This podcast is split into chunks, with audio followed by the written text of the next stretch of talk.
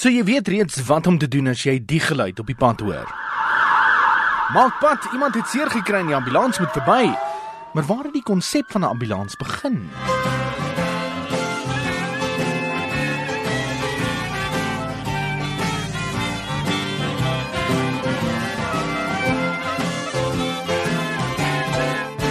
Die eerste genoteerde ambulans dateer terug na 1487 in Spanje.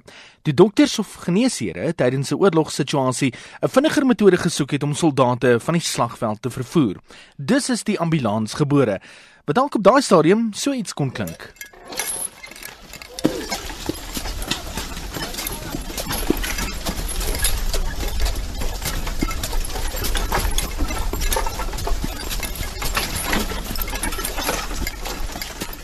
So deur die jare het ambulanse ontwikkel tot waar ons vandag is waar dit eintlik mobiele hospitale is wat na noodtonele gestuur word.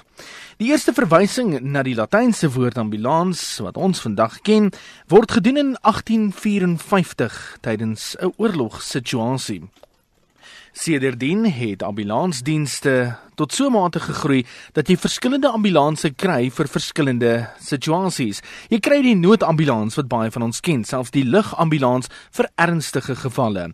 As 'n pasiënt dan van een plek na 'n ander plek vervoer moet word, is daar 'n sogenaamde PTA, 'n Patient Transport Ambulance, en dan ook die sogenaamde vinniger ambulanse wat in tye van noodgevalle veral in stadsgebiede na ongelukstonele moet gaan. Ambulansdienste en ambulansvoertuie het dan ook 'n tweede lewe.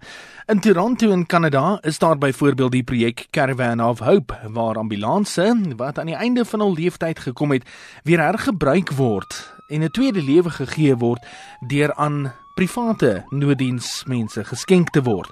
Op hierdie manier bly die ambulans nog steeds in diens en hy dien nog steeds 'n doel.